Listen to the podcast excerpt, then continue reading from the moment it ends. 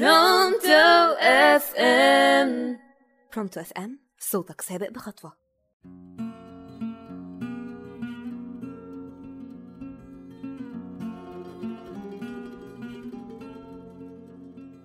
يا مساء الفل على كل مستمعينا مستمعي راديو برونتو أف إم ومعكم دينا محمود وبرنامج من أول السطر.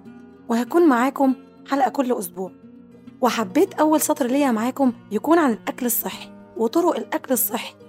وإزاي إحنا اللي بنأثر في حق نفسنا بأفكارنا ومعتقداتنا عن الصحة والأكل والرياضة واللي بتأثر فينا بعد كده. ومش بناخد بالنا غير بعد وقت طويل جدا. يعني مثلا واحدة تكون عندها 20 سنة بتحب الرياضة بدأت تلعب رياضة ووقفت. 25 سنة ووقفت. أنا كنت باكل أكل صحي وبطلت. أنا بقيت بحب آكل أكل من بره بقيت بحب يعني الحاجات بقى اللي أنتوا عارفينها دي. المهم بقى أول ما ندخل على التلاتين يا جماعة بنكتشف المأساة والمهزلة اللي بتحصل. بقى في سمنة مفرطة بقى في الصحة بقت مش قد كده. لا بقى أنا عايزة أعمل دايت. لا لازم أعمل دايت.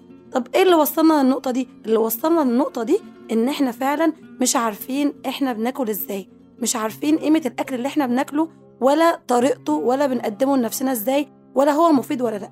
وطبعا يا جماعة أنا ملقتش حاجة أحسن نتكلم فيها من الموضوع ده عن كتاب الدكتورة نورهان أنديل هو كتاب الهيلسي.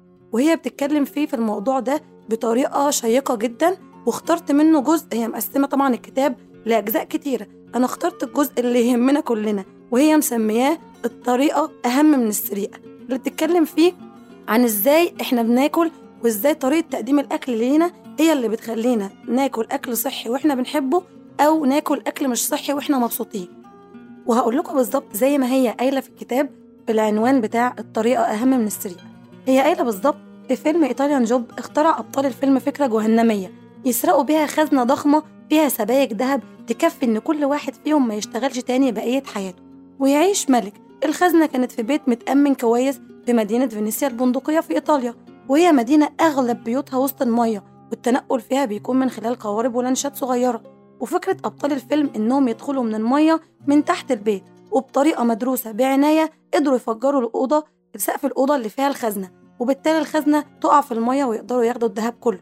ومن خلال مغامرة طويلة هيتعرضوا لأكتر من أزمة طاحنة وهيكتشفوا إنهم عشان يستردوا الذهب بتاعهم مرة تانية محتاجين فكرة مجنونة طريقة أكيدة ومدروسة ومعروف نجاحها. وبعد تفكير كتير هيكتشفوا إن أفضل طريقة هي اللي نفذوها قبل كده. ومن هنا بنكتشف مع الفيلم إن الطريقة ساعات كتير بتبقى أهم من الشيء اللي بنحصل عليه. يعني اللي عاوزة أقوله إن طريقة تقديم أي شيء هي اللي بتفرق أكتر من الشيء نفسه. أنا لو اتقدم لي طبق فيه جزر مغسول بس الجزرة زي ما هي ممكن ما أحبش أكلها.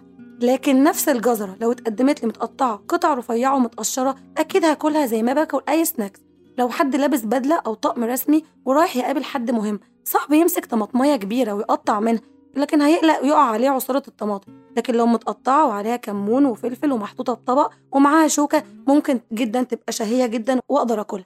فهي الفكرة يا جماعة زي ما قالت لنا بالظبط. إن الطريقة أهم من الشكل نفسه. أنا لو متقدم لي الأكل الصحي اللي إحنا واخدين عنه فكرة مش كويسة ده وإن إحنا بنقول إن هو أكل الناس العيانين ومتقدم لي بطريقة كويسة هقدر أكله وهستفيد منه وفي نفس الوقت هبقى أكلت أكل صحي وأفدت جسمي واستفدت وطبعا بعدت طبعا عن السمنة وعن المشاكل اللي هتقابلني بعد كده.